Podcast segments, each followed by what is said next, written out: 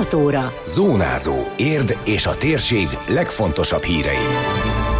Otthonról hazáig felolvasó estet tartottak a Csuka Zoltán városi könyvtárban. Különleges táborokról szól majd az idei vakáció, közel 700 táborturnus közül lehet válogatni. Szentgáli Antal munkássága a távol-keleten ezzel a címmel tartottak előadást a Magyar Földrajzi Múzeumban. Ez a Zónázó 2022. április 19-i adása. Köszöntöm Önöket, Endres Dóra vagyok. Ez a Zónázó, az Érdefem 113 hírmagazinja. A térség térség legfontosabb híreivel. Otthonról hazáig. Ezzel a címmel tartott felolvasó estet költészet napja alkalmából Baka Györgyi és Büki Attila a Csuka Zoltán városi könyvtárban. A két érdi költő most először lépett együtt a közönség elé.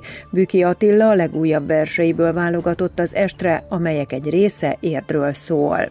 Az újabb verseimből hoztam, amelyek egyrészt érdről szólnak, másrészt pedig Vas megyéből származom, és a, a szülőfölddel kapcsolatos versek, vagy épp most ünnepeljük Káldi János költőnek, aki főiskolán tanárom volt, a századik születésnapját, és a hozzáírt versemet szeretném majd itt megismertetni az érdeklődőkkel. A nemzeti népies ághoz tartozom, bár ez már nem egészen állja meg a helyét, mert régen volt az ugye, hogy voltak a városban élő költők és a, a falvakban élő költők, ma már ez összemosódik a, a, a technika által, tehát a televízió, a telefon, rádió, már minden van számítógép, de valahol eredetét tekintve a verseimnek azok a népi nemzeti vonulathoz tartoznak. Baka Györgyi pedig egy átfogó válogatással készült a rendezvényre, így az elmúlt években született verseiből olvasott fel, de József Attila két műve is elhangzott az esten. Attilának jóval több kötete van, nekem hét jelent meg eddig, de nem mindből válogattam, hanem inkább a témákat néztem, hogy, hogy hogyan jön ki. Most elsősorban a költészet napjára koncentráltunk, tehát József Attilától fogok két verset is olvasni az elején és a végén, magától József Attilától, és egyébként pedig ugye otthonról haza, tehát hogy egy kicsit a szülőföld, a, a, azok a tájak, amikhez ragaszkodunk, vagy ki mit tekint annak, mert nekem például van egy olyan versem is, hogy otthonom az anyanyelv, úgyhogy de ez a téma a legmeghatározóbb a cím szerint.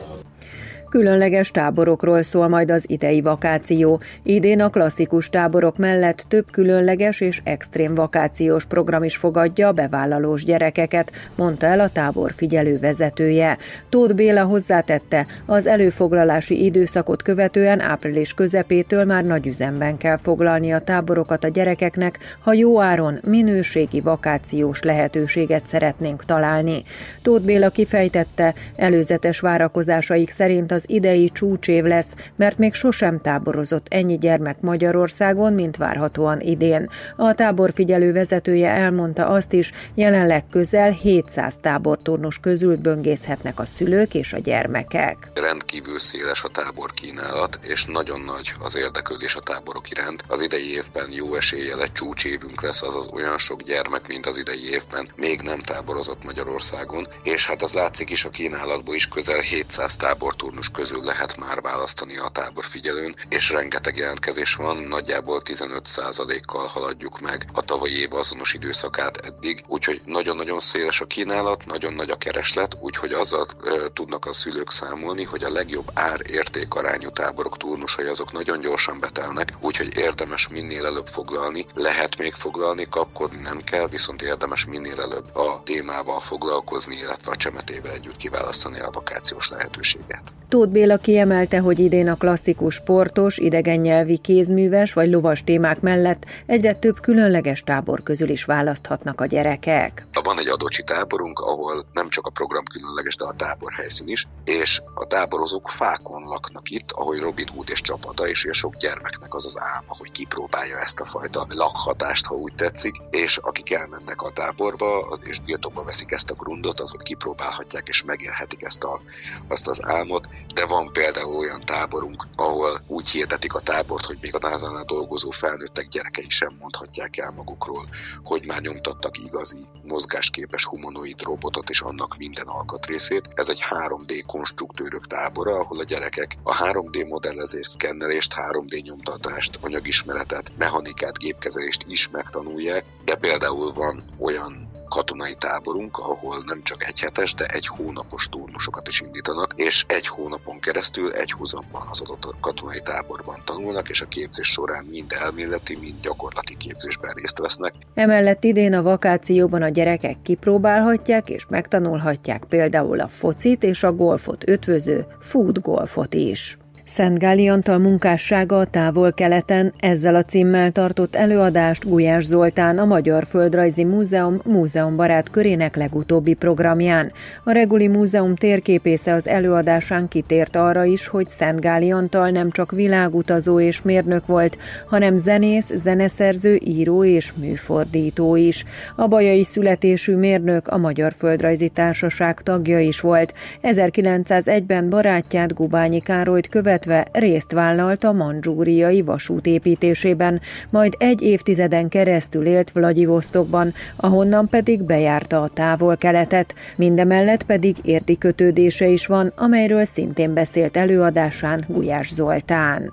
Mint építőmérnök 1893-ban a budapesti Magyar Királyi Folyammérnöki Hivatalnál dolgozott, és az Érd Százhalombatta közötti Dunaszakaszon folyószabályozási és árvízvédelmi munkákat is végzett. Ő tulajdonképpen 1901 és 11 között a távol-keleten élt, Vladivostok városában. Először Gubányi Károlyal vasutat építettek, utána Vladivostokba költözött, ahol különböző építkezéseken is részt vett, és tanulmányozta értő szemmel az ottani kultúrákat, és ezekből a földrajzi társaság számára küldött anyagokat nem csak világutazó és mérnök volt, hanem zenész, zeneszerző, író és műfordító is, azon túl közéleti személyiség is. Tehát államtitkári rangban a budapesti fővárosi közmunkatanács alelnöke is volt. Ennek ellenére is meglepő, hogy az ő életútjáról nagyon keveset lehetett eddig tudni, még csak a pontos születési dátuma sem volt ismeretes. Szentgáli életútja számos tanulságot hordoz a mai ember számára, hangsúlyozta Gulyás Zoltán. Például hogyan lehet más kultúrák területén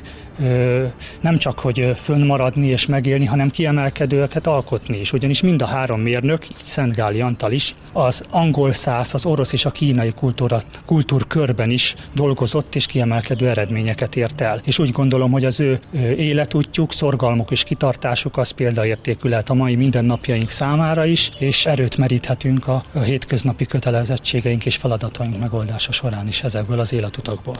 Időjárás.